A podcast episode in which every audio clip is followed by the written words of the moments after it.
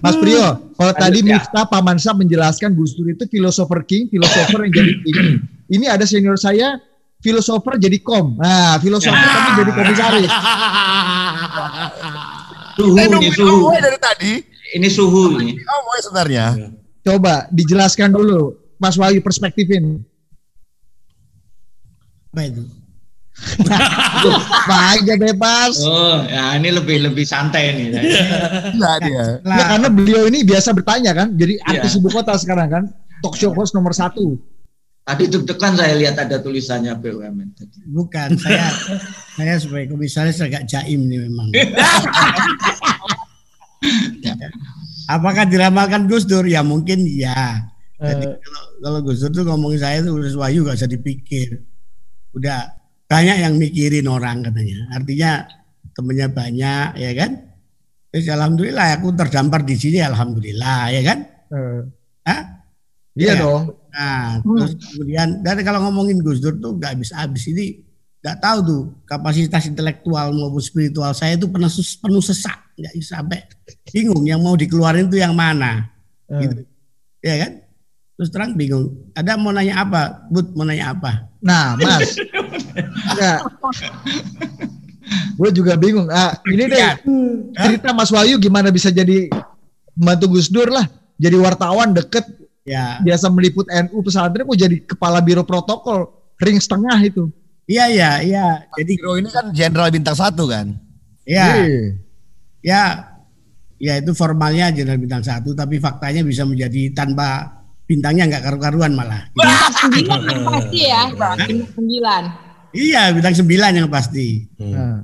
Nah, gini awalnya tuh dulu ya saya itu nggak tahu itu memang jalan Tuhan ya untuk bisa mendekat ke Gus Dur tuh karena memang dulu tuh karena eh, tempo awalnya tempo Biro Surabaya ya tempo lah pokoknya banyak wartawannya eksodus ke majalah editor.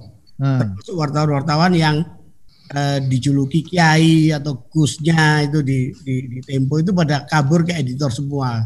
Ada Khairul Anam, ada Mas Tuki Baidowi segala macam ya. Nah, terus kemudian ya ini akhirnya berkah bagi saya. Nah, saya mengisi kekosongan itu. Hmm. Saya masuk melalui Biro Surabaya, Biro Jawa Timur tahun tanggal 15 Agustus 1987. Tugas pertama itu di antaranya adalah ketika saya di sana ya meliput semua acara menyangkut NU, Kiai, pokoknya ulama, agamaan dan apa termasuk e, mengejar Gus Dur. Jadi kalau ada urusan Gus Dur di Jawa Timur khususnya, itu kalau sampai nggak tembus, nggak sampai tembus sumber dan nggak bisa wawancara, maka orang pertama yang disalahkan saya. Eh, tunggu sebentar. Itu jam dindingnya Pak Komisaris yang harganya uh, kalau handphone kita dikumpulin semua nggak mampu beli jam dindingnya itu lagi berbunyi. Ya Enggak. harap tunggu sebentar. Enggak ya telepon ya mas ya? Bukan. Oh bukan. Itu jamku. Oh. Oke oke oke tapi bener itu. Itu oh, ya, ya. ada lagi di Ciganjur itu jam bunyinya kayak gitu jam murah itu. Nah, kalau mahal tuh bunyinya kan ding dong. Oh ya kan? Ada uh. punya ya. Nah, terus terus gimana Mas Wai? Nah, gimana terus, Anda bisa terdampar ya, di istana? Ya itu terus kemudian saya wawancara terus Gus ke mana aja saya tempel terus ketemu Gus Me, ketemu Kiai uh, Gus Ali, semua semua Gus Gus uh, kalau ada acara NU dan Gus Dur selalu saya tempel karena memang tugas tugas jurnalistik tugas secara profesional memang ditugasi untuk nempel dan wawancara. Selain itu juga ada tugas spiritual ini. Dari pandangan Wah. spiritual yang memang apa ya saya memang ya senang aja untuk ketemu kiai-kiai ya kan? Nah sampai kemudian meliput di Muktamar NU di Kerapia ya akhirnya Gus Dur menjadi apa ketua umum PBNU terus kemudian dilanjutkan lagi Muktamar NU eh, tahun 89 80 eh, eh, eh, Kerapia terus kemudian lambung sambung lagi Muktamar NU di Cipasung. Nah di Cipasung itu ketika beradu ketat suara sama Buasa saya juga meliput. Sampai uh, nah ketika muktamar ketiga itu yang berikutnya itu Gus Dur sudah menjadi presiden yang kemudian di apa namanya diramalkan juga oleh Gus Dur nanti yang akan menjadi ketua umum adalah Pak Said Akil Siraj. Dan benar kan Pak Said Akil Ya. itu yang menjadi 56. Ada cerita tuh. Nah, lalu terus kemudian ya kan oleh kantor kan dipandang saya eh, sering wawancara dan eh, relatif dekat dengan Gus Dur. Nah waktu itu tiba-tiba jadi presiden, waduh, ya geger, wah ini ini ada teman kita nih Wahyu nih, bagaimana? Konteksnya adalah waktu itu Gus Dur tuh bertugas eh, keliling sebagai kepala negara, sebagai presiden keliling ke negara-negara ASEAN, ya ke negara-negara ASEAN untuk memperkenalkan diri, apa kenalan sama kepala negara di tempat tujuan dan seterusnya. Nah waktu itu Tempo nggak keberangkat. Bagi kami perjalanan presiden itu sangat penting untuk diliput karena punya nilai eh, berita yang sangat tinggi nilainya. Maka terus di kantor diumumkan ini gimana nih masa kita nggak bisa tembus Gus Dur ikut rombongan presiden untuk bisa wawancara segala macam.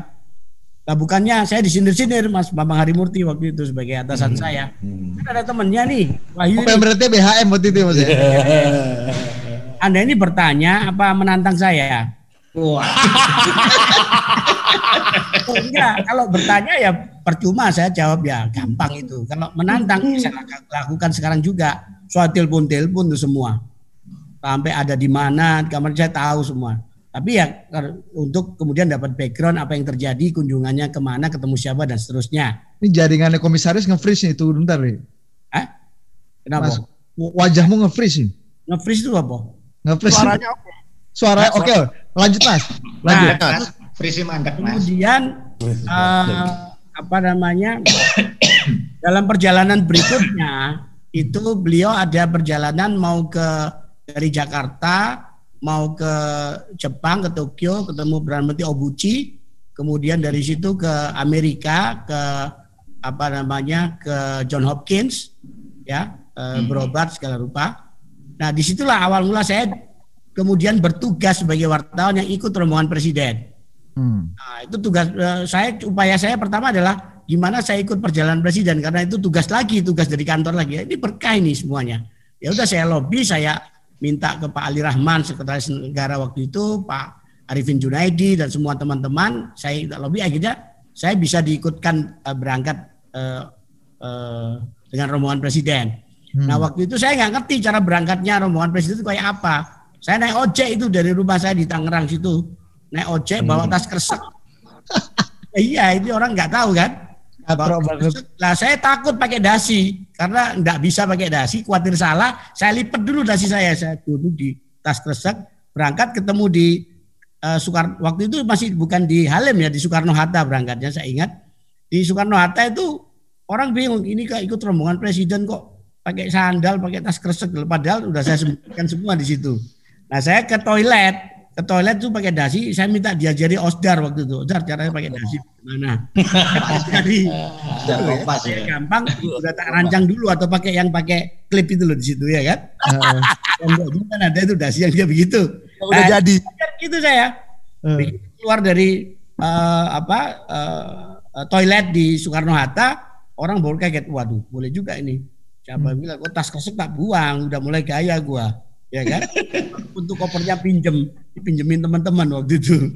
Nah, terus udah berangkat di perjalanan, eh, di perjalanan itu biasa Gus Dur bikin konferensi pers waktu itu soal GAM, soal GAM bahaslah tentang Abdullah Syafi'i, ketua GAM dan bagaimana beliau mengedepankan eh, diplomasi, perundingan, ya lobby daripada kekuatan senjata, daripada kekerasan, daripada darah. Jadi beliau betul-betul mengedepankan apa namanya bagaimana membujuk mereka secara eh, dari hati ke hati. Pokoknya jangan ada pertumpahan darah. Itu prinsip yang selalu beliau tekankan untuk urusan apa pun, GAM maupun juga urusan eh, misalnya sama TCO LY waktu di Papua.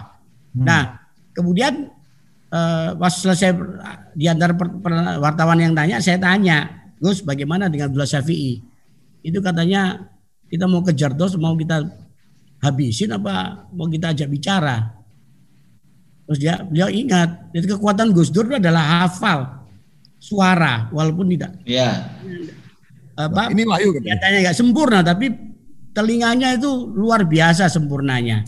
Jadi makanya beliau kan sangat sensitif dengan peka untuk mendengarkan uh, simfoni uh, Beethoven segala rupa, musik-musik klasik bisa berbandingkan antara apa uh, apa orkestrasi ala konduktor Helbert von Karajan dan yang lain-lain Jubin Mehta. Itu bisa bandingkan kekuatan telinga. Termasuk kekuatannya adalah sensitivitasnya untuk tahu ini siapa yang bicara. Dia kenal lewat suara. Dia hafal suara-suara yang saya suara saya yang khas ini yang serak-serak jembret ini. Ya kan? Bahaya ini. Ya hafalin loh kok ada Wahyu Muryadi? Dia ingat loh rindu oh, yuk yuk.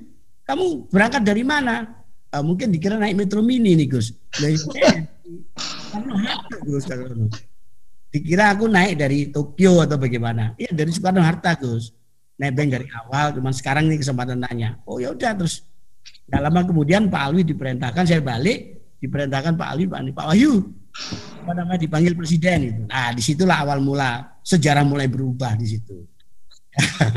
Jadi ring setengah ya di situ ya. Jadi gara-gara suara Wahyu Muryadi di pesawat. Ya, suara serak-serak apa jembret. jembret. Gitu. Nah, Mbak Nay, Mbak Nay kayaknya punya cerita deh soal soal Mas Wai deh, yang makin kerja kerasnya itu sampai bondingnya sama presiden tuh nggak keru-keruan deh. Presiden tuh selalu butuh Mas Wai di jam berapa aja. Ada cerita nggak, Mbak Nay? Katanya pas Mas Wai tidur atau apa gitu. Coba. Wah, pokoknya dia segitu dibutuhkannya sama presiden sampai kerjanya itu melewati jam kerja. Jadi uh. yang tadinya kalau mungkin pas di tempo itu jam berapa udah pulang, oh ini hmm. sampai sampai lewat tengah malam baru pulang. Hmm. Makanya ma, apa Mas Wahyu ini kalau pulang itu nggak bisa diganggu. Ah. Yeah. Nah, bagian itu harus Mas Wahyu yang cerita. Coba cerita Mas. Istrinya yang cerita, harusnya sih istrinya, tapi mendingan Mas iya. Wahyu. Ya. Saya istri saya ini, tapi istri saya lagi asik berkebun ini. Menanam jagung. Ya, kan? nah, Gimana cerita Mas Wahyu? Ya, jadi ya biasalah saya kan uh, istilahnya kan menampung uh, waktu saya selain waktu uh, jam kerja itu saya isi untuk mengisi teman-teman teman-temannya Gus Dur, sahabat-sahabatnya, eh, kolega, teman-teman wartawan segala macam untuk ketemu. Hmm. Saya sediakan ketemu di ruangan kerja saya di belakangnya eh, di sampingnya Binagraha itu persis saya ruangan kerjanya di situ. Ya kan di situ aja sofanya bekas dipakai oleh eh, Pak Karno nerima Hirohito atau apa waktu itu seingat saya itu ya. Sombong sekali. Tapi sofa itu saya ilerin terus waktu itu. nah, Hirohito dilerin. Di, di situ apa namanya eh, kadang-kadang uh, ya rata-rata saya pulang mesti di atas jam 10 malam. Ya hmm. selain menyiapkan acara untuk berikutnya besok perjalanan, kan protokol itu ngurusin acara, perjalanan dan undangan tiga hal itu, hmm. ya kan? Nah uh, terus mencocokkan dari sekretaris presiden ada perintahnya seperti ini, saya tinggal mengatur tetek bengeknya teknisnya dengan tim 41 hmm. orang anak buah saya di uh, biro protokol. Nah, selesainya rata-rata di atas jam 10, kadang-kadang jam 12, jam 1. Nah, pulang sampai rumah kan tentu ya biasa langsung tepar gitu kan. Istirahat di rumah kontrakan di Kampung Melayu kecil itu yang uh, pusat banjir sampai sekarang itu. Ya. Di situ kemudian biasanya uh, Gus Dur itu kalau mau mengacarakan mengajak tamu kiai siapa atau tokoh siapa dalam perjalanan dinas kepresidenan dengan melalui naik pesawat presidenan itu selalu mengkonfirmasikan pada saya itu either itu tengah malam atau menjelang subuh atau pas subuh subuh itu. Nah suatu saat ini teleponnya pas apa sebelum subuh gitu hmm. loh. Nah yang terima uh, pas pampres di rumah alias merangkap panglima TNI merangkap menteri keuangan yaitu. Provos, provos. Nah, Saya, jaksa agung sekaligus. jaksa agung semua lah dia penyidik juga lah. Iya. nah, istri saya terima telepon kring ya pakai handphone saya masih Nokia waktu itu ya. Telepon, ya dari mana Pak? Dari Abdurrahman. Oh ya Pak Abdurrahman, ini eh, mau bicara sama siapa Pak Wahyu? Pak Wahyu ada bisa bicara. Pak Wahyu kecapean Pak, nanti aja ya teleponnya. Ah, telepon lagi setengah jam kemudian. Saya masih ngorok ya kan? Ya kan? Telepon lagi. Kampung Melayu ya. Gabung Melayu kecil, tiga nomor tujuh tiga. Tuh banyak. Kalau, kalau sekarang kebayoran baru bos. kebayoran baru. Ini cucu aspal ini sekarang. Hot mix aspal. Uh, terus terus terus. Terus kemudian di telepon lagi menjelang subuh lagi, halo kering lagi siapa nih Pak Abdurrahman? Pak Abdurrahman, Pak Wahyu ini kecapean habis kerja sampai tengah malam tadi. Nanti teleponnya habis subuh ya, jam-jam 6 gitu.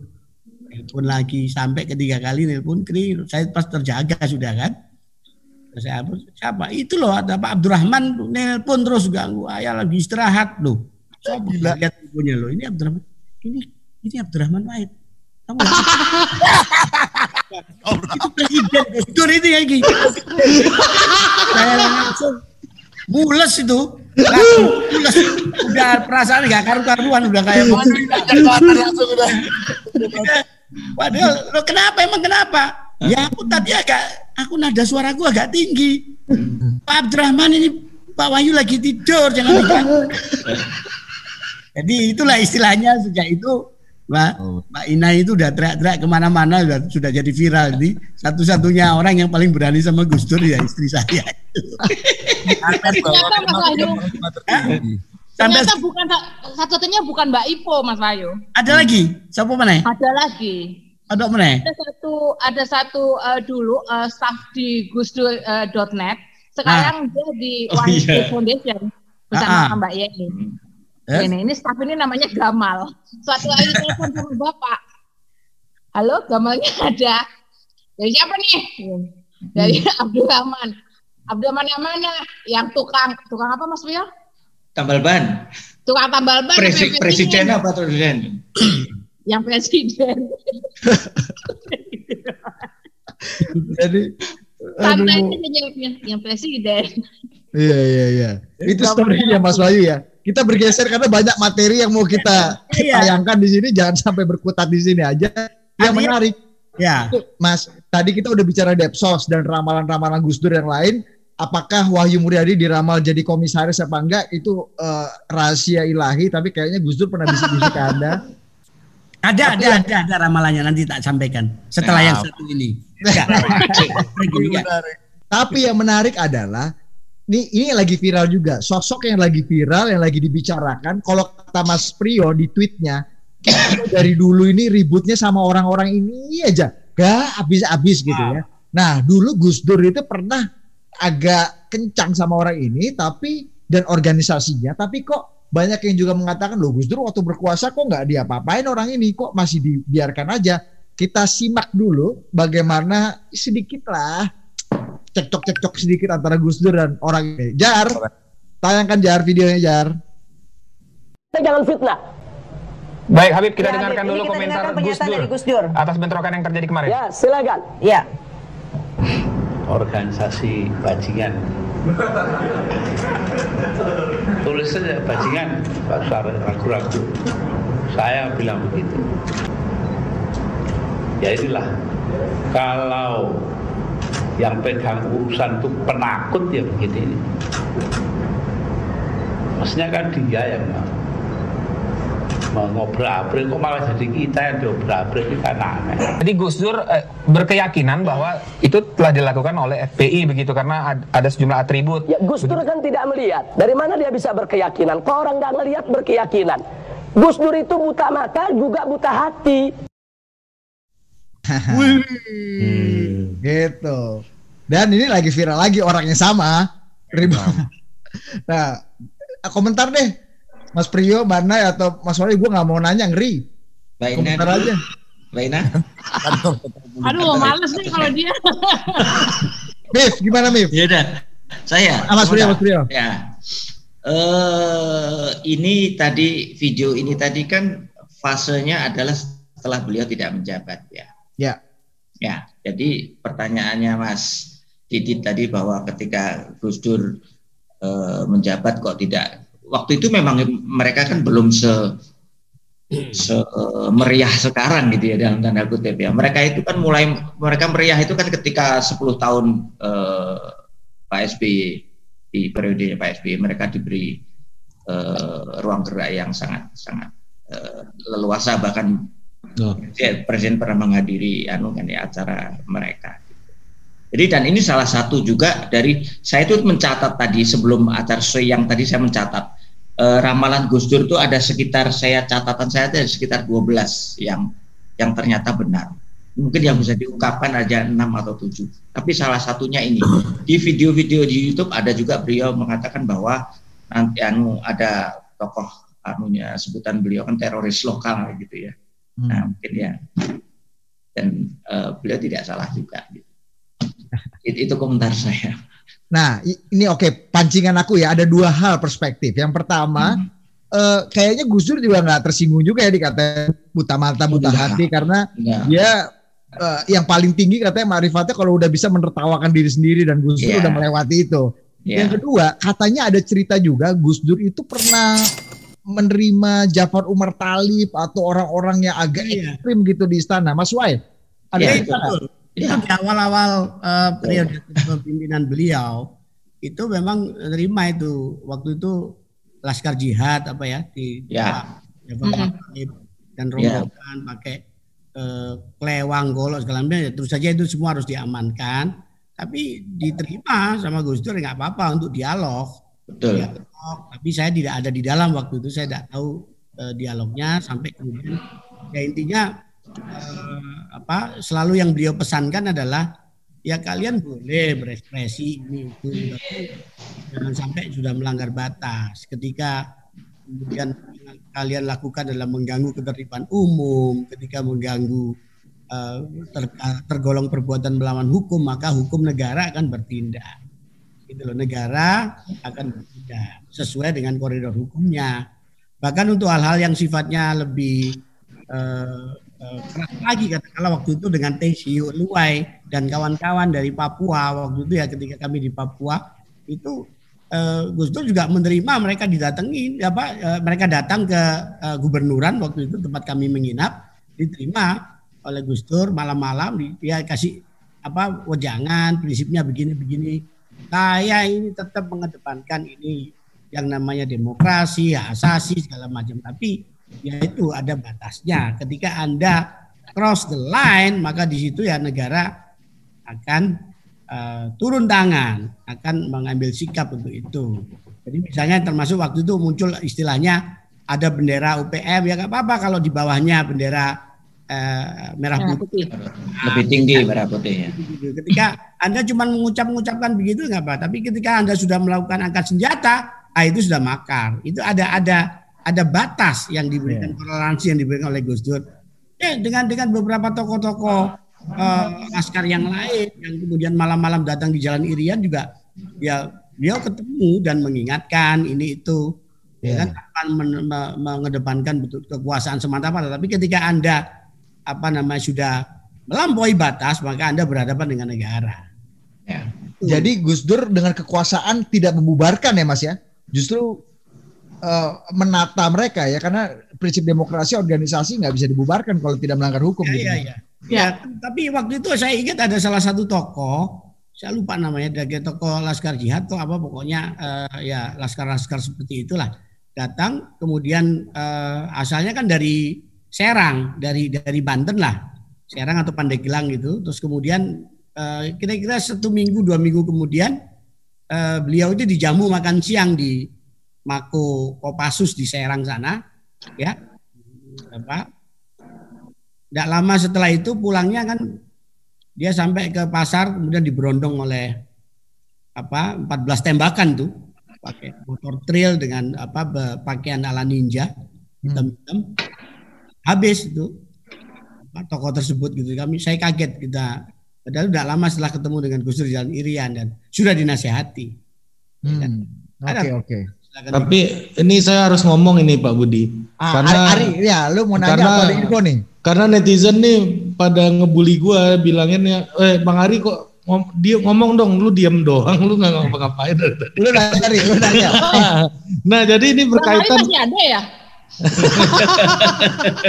ini berkaitan sama video tadi nih Mbak Nay, Om Wai sama uh, Mas Prio.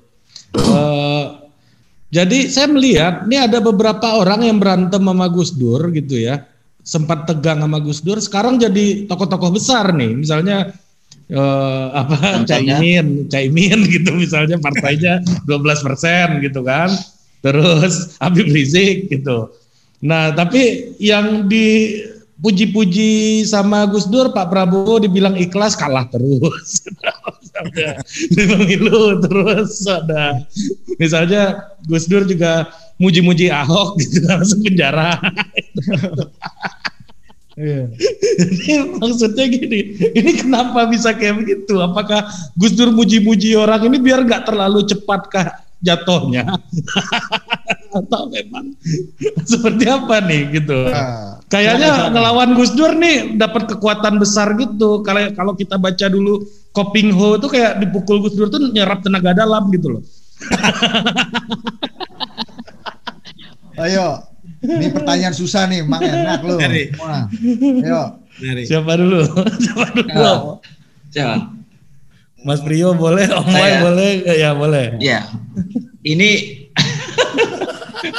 ini ini anu ya, uh, uh, kita masuk ke ke politik ya. Hmm. Uh, gini, kalau kalau saya ya, kalau saya dan kebetulan kan juga terutama masalah politik politik praktis di PKB ini kan saya kebetulan juga uh, ikut ikut uh, dengan Mbak Yeni dalam pusaran anu itu ya apa uh, keruwetan di PKB itu.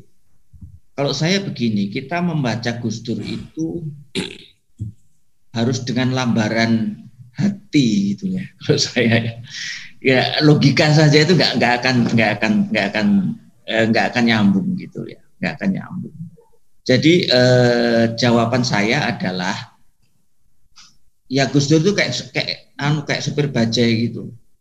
Yang tahu hanya Gus Dur sama Tuhan. Supir bajai itu gitu. Belok kiri ke kanan yang tahu hanya dia sama uh, Tuhannya itu. Tetapi saya tetap yakin bahwa uh, cepat atau lambat apa yang di, menjadikan sikap Gus Dur itu uh, biasanya biasanya uh, benar. Uh, dalam artian ya itu tadi kita tetap dalam dalam dalam konteks harus sabar, harus tetap memaafkan, harus anu begitu. Itu yang susahnya ikut Gus Dur itu di situ tuh kan. Kita harus harus harus punya kalau zaman kualitas, dulu waktu kualitas, konflik sama Rizik gimana, Mas? Ya, ya kalau konflik secara frontal sih sebetulnya kan tidak pernah. sebetulnya ya, sebetulnya tidak pernah. Hanya uh, sebetulnya kalau menjadi catatan hanya sekali saja ketika ada ketika ada uh, konflik di di Monas ya ketika ya, ya waktu itu AKKBB uh, ya iya itu. Itu sebetulnya frontal itu hanya sekali itu. Mungkin bisa dua kali ketika belum lama ada uh, demo anti MPI ya, sebetulnya itu saja. Sebetulnya konflik frontal antara antara Gus Dur dengan uh, Habib Rizik yang yang yang frontal tuh hanya hanya sekali itu saja. Tapi kalau secara secara apa ya, secara ideologis itu memang memang sudah uh, sudah berlangsung lama ya. Uh, kemudian Rizik sampai mengucapkan uh, penghinaan kepada Gus Dur dan orang-orang pengikut Gus Dur marah semua. Tapi Gus Durnya sendiri dan keluarganya itu saat, saat itu sama sekali tidak terganggu dengan dengan ucapan Rizik yang sangat menghina itu. Malah Sehingga, Mas Wahyu lebih marah dari dari banding Nanai kali ya. Oh iya. iya. Saya ada darah Madura separuh, jadi iya, biasa lah. Iya. Kalau ada amarna biasa itu. eh, by the way, ini penonton kita makin banyak kiri ya. Iya, udah ada info tembus, kali? tembus 354. Ini ada pertanyaan oh, dari ya? TRD. Ada gabut semua apa gimana sih? Emang ini kan trio tengah malam TTM. ada ada yang didongengin. Iya, kalau matahari terbit kita hilang, Mbak. Udah.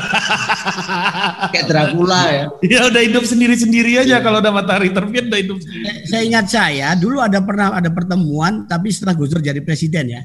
Uh, antara Gus Dur di ruang uh, di BBNU di ruangan beliau di pojokan itu apa dengan uh, Pak apa uh, Pak Rizik Sihab bersama Pak Hasim Muzadi ya Pak Azim kan dekat banget sama Pak Rizik itu. Terus kemudian datang ke ah. sana ya untuk ngomong lah ini bagaimana Gus ini biasa. Terus, saya ingat saya saya dengar itu perlu dikonfirmasi Gus Dur gebrak meja waktu itu. Bisa ente nggak bisa bukan begitu caranya ente NU tapi lah ente NU lah. Nah. sebenarnya NU juga. Ada aja Apa Iya. wajahnya? Iya, itu Iya, betul. iya. Aswaja. Cuman Betul, aswaja plus plus lah, pakai ya pakai aswaja. Mas, Iya. Koyok pijet plus plus. itu gebrak meja karena marah sama Pak Rizik atau marah karena rotinya dicolong sama Mas Priyo enggak kan? Rizik waktu itu bagaimana entah menekankan Iya. apa, itu nggak Iya. mau Iya, ditekan. iya. Banai atau Mivi ada yang mau ditambahin nggak? Lanjut, lanjut, lanjut. Oh, gue mau dengar ceritanya di all story. Ya, di Ah. situ juga terma- tempat Gus Dur ketika me- eh, mencoba menyadarkan atau me- mengarem-ngarem apa namanya arem-arem apa istilahnya Ah, Ngeyem-yem, ngeyem-yem. Roma Irama Roma Irama Ya. soal Ya. Gor ya kan Ya. ramai Roma Imodor Hmm. Irama daftar Mbak Tasbih gini Gus Dur gini tak bisa Ji. Ji itu, itu. Kita kan sudah tahu kita di sana. Udahlah idul begini begono. Ya intinya itu ya Gus Dur melindungi betul kaum kaum yang selama ini di Ya. salah fahami didolimi. Om Wai, ini ada perkataan Wasekjen Gerindra nih, eh, Ahmad Dhani bilang gini, bahwa kalau Gus Dur masih hidup ya pasti setuju sama saya katanya. sama Kata Ahmad Dhani, iya. Dani musisi itu Iya. Ya kalau Dani kalau sama Gus Dur dia sudah menganggap bukan lagi sakti lagi kalau bagi. Dari bagi Dani Gus Dur itu super wali. Dan Dani itu pernah diselamatkan eh, oleh Gus Dur. Wah Dani juga pokoknya semua Iya. orang yang Iya. di Republik ini yang didolimi Iya. Itu tempat mengadu yang paling aman dan Betul. nyaman sejahtera lahir batin jadi Gus Dur sudah itu. Gitu. Dani itu harus sung- harus sungkem sama Gus Dur. orang-orang yang sebelumnya menzolimi Gus Dur. Eh nggak Ah. peduli betul nggak peduli walaupun tuh orang-orang yang bisa aja hari ini kalau misalnya eh, Gus Dur di apa namanya eh, Gus Dur masih ada, saya sangat yakin eh, kalau eh, Pak Rizik itu diperlakukan nggak adil misalnya, akan yang membela pertama akan membela itu Gus Dur. Ya. Saya sangat yakin. iya iya betul Filsuf, filsuf begitu. betul. Nah, tapi saya mau nanya malah sama Mas Nita. Eh, tapi gini, sebelumnya sebelum saya mau nanya sama Mas Nita, saya mau mau nanggepin tambahan yang tadi itu yang soal tadi pertanyaannya Ari gitu. Eh, kenapa orang-orang yang disebut Gus Dur terus kemudian kayak siapa namanya tadi? Caimin. Oh, Prabowo. Ahok ya. Prabowo. Yang itu menurut saya adalah cara kita juga membaca gitu. Ya, itu yang makanya saya tanyakan Mbak Nay. Konteksnya Gus Dur waktu itu ngomong Prabowo itu adalah orang yang ikhlas seperti apa? Karena yang yang beredar itu benar-benar hanya potongan itu. Hmm. Kita nggak pernah tahu konteks panjangnya seperti apa. Hmm. Sedap. Ya, asbabun Itu nuzulnya ya. Yang Ya, betul. Wah, ini kayak orang NU nih apa? dalam konteks partainya dapat 12 persen, ya gimana nggak dapat 12 persen ya pakai namanya Gus Dur mulu kan. Ah, Nah, tapi terlepas Iya. dari itu, saya mau Persis. ngomong ini. Iya betul, partainya dapat 12 persen, tapi kalau dari eh, sebagai ketua partai jadi menteri aja nggak lolos, jadi gimana ya? Itu jadi mengingatkan saya pada pernyataannya Gus Dur bahwa orang itu nanti jadi gelandangan politik gitu. Ah, Saya, saya, Ramalannya belum iya. belum mabrur kayak itu. saya, saya izin Mas izin Ada Mas yang- Didit. yang Saya nambahin izin Mas Didit. Kalau izin ke, ke Mbak Nay aja Mas Priyo. Oh, izin. Mas, hanya izin boleh ke Mbak Nay karena dia anak presiden atau Mas Wahyu yang gajinya paling gede di antara kita semua. Oh iya iya. Izin Mbak Nay dan Mas Wahyu. Karena cuma dia yang punya tentiem Mas, kita nggak dapet tentiem. Iya iya iya. Gimana gimana Mas? Monggo. Enggak ya tentang Itu tentang itu, kecil. itu tentang Itu 12 tentang 12 Yang mungil yang kamu omongkan itu, Hmm? ya kan? Hah? Yang penting itu negara ini loh. Pak. Iya, ya. Nah, nah itu soal kita ya. Ini loh, Gus Dur tuh gak mentang-mentang jadi presiden terus berangkat suka-suka apa. Kalau keluar negeri ya, itu pernah terjadi. Tanyakan Ina sendiri masih ada. Ya kan waktu itu dia mau berangkat pergi ke luar negeri, Pak, aku ikut ya gitu. Tanya tanya Om Wahyu dulu. Suruh tanya saya dulu. Betul loh, dia belum Terus? kelihatannya rileks dulu tapi menghormati tata aturannya, tanya protokol dulu boleh enggak itu gitu ya. Ya, Jadi boleh. yang ngasih izin saya itu bukan presiden, tapi Bukan. protokol. Iya. Dan Iya. kalau protokol takut sama pas pampres di rumah itu. Marah sama Gus Dur itu. Panglima merangkap pas pampres merangkap jaksa agung. Aku berangkat Menteri Keuangan. Ya? Bos, kalau Mas masih pas, kalau masih pas pampres masih aman. Jaksa Agung ini yang ngeri. Alat bukti banyak, Pak. Iya, itu ada ada satu tradisi menarik selama Gus Dur menjadi presiden itu selalu berpesan pada saya untuk tiap Jumat itu selalu diusahakan Jumatan. Eh, ini orang yang mungkin belum tahu ya, Jumatan dan Jumatan itu digilir. Minggu Hmm. pertama misalnya ke di istana, minggu kedua keluar kota, minggu ketiga misalnya ke Ciganjur, minggu keempat ke eh, apa namanya eh, tempat lain misalnya. Itu diatur empat minggu gitu. Dan tiap-tiap habis Jumatan selalu beliau minta harus ada tatap muka, tanya jawab, dialog dengan masyarakat dan selalu beliau minta Oke. saya yang memoderatori Itu gokil itu. pesan dengan pesan itu dari situ modalnya jadi host di situ. Dan itu maki-maki segala macam kritik Iya. nggak nggak- ada penyaringan tuh Mas ya? Nggak ada screening ya? Kecil, kecil mungkin itu sekarang ini. Itu Asli. adalah momen-momen ketika kita di Biro Pers dan Media saat-saat kita sport jantung di situ setiap hari Jumat. Ngomong apa presiden hari ini? Ngomong apa presiden hari ini? Semua Itu- orang nelpon termasuk pemain di bursa saham nelpon. Ya. Mas tolong Gus Dur jangan ngomong gini ya nanti jeblok aku rugi. Kalau- Ya kan? Nah, saya enggak bisa presiden bicara. Nah, enggak di situ beliau jelas sekali mengatakan jangan diatur-atur. Yuk jangan direkayasa. Siapa aja boleh nanya. Udah. Ya. Oke. Bah- Bahkan yang nanyanya pun orang misalnya orang senteng, orang yang Iya. Untuk Ya. mau menjatuhkan presiden boleh silahkan. Iya. Nah, Oke. suatu saat pernah di ini di Masjid Baitur Rahman di di Istana Negara loh ya, di samping Istana Negara itu. Nah, itu saya Baitur Rahim. Baitur Rahim ya, Masjid Baitur Rahim. Iya, Baitur Rahim. Ketahuan cuma sebentar di istana Mas. Kurang Ya. jadi pejabat ya Mas Trio. Sekarang ke masjid itu soalnya. nah, di situ beliau minta ini jelas ada orang yang saya sudah dikasih kode oleh Pas Pampres. Pak, ini orang agak anu. Oh ya, apa. Oh, nanya Gus Dur, saya minta Gus Dur turun sekarang juga. Ya. Nah, terus Gus Dur ngomong ya, gimana? Ya Anda silakan ngomong ke MPR. Jangan ngomong ke saya. Saya udah kadung dipilih MPR, Anda bicara sama MPR, suruh turunin saya. Ya kan? Lah kalau saya ya kalau nggak suruh mundur lah, suruh mundur bagaimana? Bang saya maju aja Maju. susah. Nah, Mas Trio, Mas Iya. Wahyu, Mbak Inai, ini yang menarik adalah Gus Dur itu katanya kan di- dia dimaki-maki orang, dikritik ya Iya, iya. santai aja. Yang sepaneng Wahyu Muryadi, Priyo Sambada ya sedikit-sedikit inaya lah. Iya. Tapi Gus Dur itu bisa menertawakan dirinya sendiri. Nah kita punya satu video, Jar, coba Jar, kita puterin ya. Jar. Fajar. Oke, oke. kan itu eh,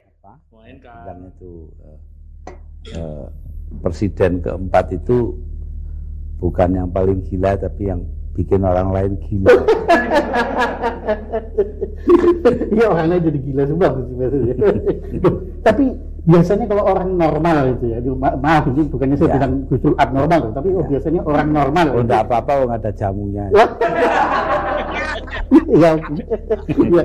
biasanya kalau orang normal itu kan ada jet lag, terus ngantuk, itu ini justru apa enggak ada itu Gus?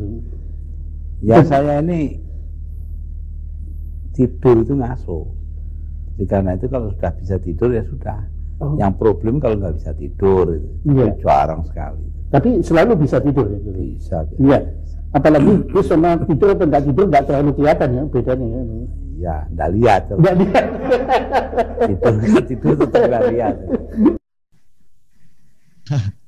Coba baik ya, Presiden eh, yang sedang berkuasa, sovereign nih ya, Nif ya, Ya, dia ya. bisa mengledek dirinya sendiri. Aku si tidur nggak tidur sama aja nggak bisa lihat. itu Itu persis dengan seperti yang pernah dikatakan di Fidel Castro ketika ketemu di eh, apa hotel apa eh, Grand Melia Havana Nah, gimana tuh? Mas? waktu KTT apa namanya non blok gitu Non blok. ya eh, datang ke sana saya dampingin itu lucu itu pas ketika kami saksikan jam 10 malam itu Gus Dur sudah siap-siap untuk rebahan di sofa sambil dengerin wayang kulit eh, apa semalam suntuk apa di apa eh, CD-nya atau di, di di kaset Sony ya waktu itu masih kaset itu pakai headset gitu. Walkman. santai, tinggal turun. Nah, waktu itu memang eh, tidak ada konfirmasi ukuran suksesnya negara itu kalau kalau berkunjung ketika kita berkunjung kepala negara yang di tempat yang kita kunjungi itu mau terima kita itu sukses.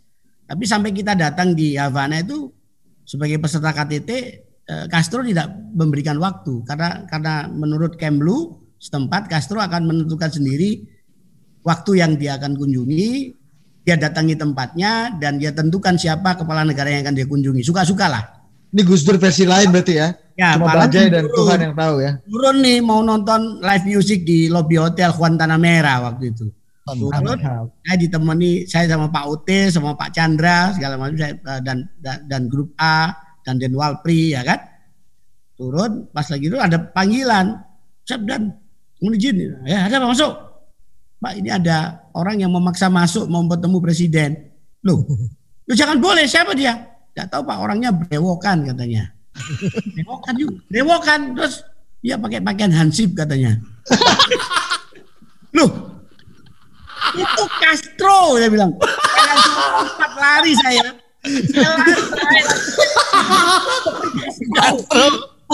Bener yuk, bener eh lari lari, wah lari gitu atas. Wah gimana? Castro nya udah masuk. Wah udah masuk udah les. Eh, please masuk ya Gus Dur ya. Masih masih istilahnya kan masih pakai kaos Swan itu kan biasanya beliau. Swan. Eh kaosmu itu loh. Oh lebih keren kaosmu Mas Hiro. Ya. Ya. Nah terus kemudian wah cari sendal ya dengerin wah benerin apa adanya lah terus kemudian saya bangunin Pak Alwi Sihab Pak Alwi Oh, iya. ada di sebelahnya Beb, beb, beb. saya panggilnya Pak Alwi Habib panggilnya dia Habib juga sebenarnya Beb, beb panggil ini ini siapa Castro datang ya tidak Merente yang bener yuk. Iya bener ini itu. Serius iya. Wah lari Pak Alwi kan neces sisiran dulu pakai masih mikirin kan kacu di atas. Kacu di jas itu. Oh, datang gitu. Wah, kan datang lah. Itu terus cerita tentang empat presiden itu. Presiden yang pertama cinta ini, presiden kedua ini, ketiga ini. Apa ceritain dong jangan ini ini ini kita kan Eh, pengen denger. Nanti, nanti di bukuku lah, nanti kau buka semua. Nah, intinya itu. Asik juga. Kalau presiden presiden keempat ya yang memilih saya itu orang gila katanya Gus Dur itu. Ya kan? Harto gila harta itu ya. Waktu itu gitu ya. Ah, yang kedua gila itu, yang ketiga gila itu. Nah terus yang keempat yang milih saya orang gila. Astro gimana? Hah? Oh, Ketawa? ketawa Astro kakak udah ngomong segala macam itu. Hampir sejam itu ngakak-ngakak pokoknya. Dan kalau Gus Dur dalam dalam hal menggelitik kepala negara atau tamu-tamu negara yang ada di situ itu di siapa pun tuh paling bisa menyentuh hati. Itu teknik menggelitik mengulik hatinya itu mungkin Nah. belum bisa ngalahin. Ya Nanti kan? kita cerita-cerita tuh soal itu banyak tuh cerita ada Clinton ada macam-macam tapi kita nanti sekaligus kita pengen lihat eh, kemarin Mas Priyo dan Mbak Inaya baru eh, apa namanya ikut dalam rilis foto-foto spesial Gus Dur yang belum banyak dipublis yang di Ini sampai eh, jam berapa, Bud? Udah 22 35 4 terus. Terus. ya terus lah terus. Uji komisaris kan Itu komisaris mau rapat lagi. Oh, gua ini masih orang TV bukan orang YouTube, Bud. Oh iya, kan durasi durasi ya. Kalau itu durasi ya. Iya. Nggak ada. tapi tapi Om Boy kalau mau disersi dulu nggak apa-apa Bukan dan pas dan pas pampres nanya itu ngomong apa kamu kok teriak-teriak gitu kan. Oke, kita langsung masuk aja ya kali. Atau Mas Priyo, Mbak Nay ada yang mau namain nggak soal Gus Dur? Ya menertawakan diri sendiri itu kan. Dit, aku bukannya mau mau nambahin, tapi aku mau nanya sebenarnya Mas Miftah Nah, sama boleh, Pak. Mantam. Tadi gini, aku sebenarnya cukup setuju bahwa mungkin sakti itu terlalu over gitu ya. Eh, mungkin terlalu kesannya jadi kayak eh setengah de, jadi kayak dewa, jadi kayak apa. Jadi mu- Tapi clickbait, clickbait itu clickbait. Enggak, kita pun akhirnya terpaksa pakai itu. Eh, Iya, Ralph, Ralph. artinya bagaimana menjelaskan fenomena gini. Kalau tadi kan Mas Miftah bilang, ya itu kan karena dia eh, apa namanya filosofer king gitu kan, yang mengingatkan saya ada seorang ada seorang budayawan dulu, eh, Rendra tuh sempat ngomong gini sama Gus Dur, udahlah nggak usah jadi presiden, karena kalau mau udahlah turun aja, udah jadi jadi ini aja, jadi apa namanya eh, guru bangsa aja. Guru bangsa. Karena kalau jadi presiden itu harus bodoh sedikit gitu. Iya. Nah, Ya. itu itu bahasanya Rendra tuh. Nah, eh, apa namanya? Tapi Lu ngaco lu. Beneran tuh. iya, Oke oke. J- jangan Tapi- baper yang denger ya. Oke terus terus lanjut. Itu Inaya Wahid anak presiden ya. Bansurnya banyak silakan. saya mengkuot loh, saya mengkuot. Hati-hati bicara ya. Gue nggak ikut ikutan. saya mengquote. Nah, Ya. eh, apa namanya? Nah, eh, kalau tadi Mas Miftah bilang itu kan karena dia philosopher king, tapi kemudian gimana menjelaskan fenomena-fenomena kayak gini nih misalnya nih. Bagaimana dia bilang kalau eh, apa namanya? Kalau misalnya Pak Sutarman ajudannya itu akan jadi Kapolri. Kapolri. Kapolri. Hmm. gitu. Atau bahkan Pak Jokowi Oh Gitu. pernah juga diramal ya? Iya. Ya, kalau menurut eh, apa namanya eh, Pak Deblon Tangpul itu eh, Gus Dur pernah ngomong ke kalau Pak Jokowi nanti bakalan jadi eh, wali kota dan segala macam. Itu itu juga. Atau cerita kayak gini, saya sering banget dengar dari eh, cerita tangan pertama, jadi mendengar langsung dari Gus Dur, misalnya kejadian kayak gini. Suatu hari Gus Dur naik mobil setelah ngasih ceramah dan bla bla bla bla di tengah jalan, kemudian tiba-tiba Gus Dur eh, ini di daerah Jawa Timur, eh, Gus Dur minta berhenti, sudah Ya. tukang durian nih. Terus tiba-tiba Gus Dur tuh ngasih ngasih amplop ke tukang durian itu. Nah, Ya. terus tukang duriannya kaget banget. Terus habis itu ya udah mereka pergi aja gitu. Terus kan bingung ya si si supir ini bingung yang yang yang nyet, nyet- nyetirin Gus Dur. Kok tiba-tiba Gus Dur gitu aja ngasih duit aneh banget gitu, ngasih amplop gitu.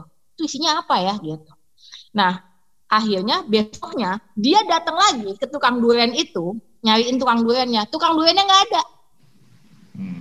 Dia tanya lah sama orang dagang sebelahnya, ini tukang duriannya ke mana ya? Kemarin kayaknya ada tukang durian di sini. Hmm. Oh iya, dia itu dia itu eh, habis kemarin ada mobil berhenti terus ngasih dia amplop, dia buka, dia langsung kukut-kukut karena uangnya jumlahnya ternyata sama dengan yang dia butuhkan untuk ngoperasi anaknya.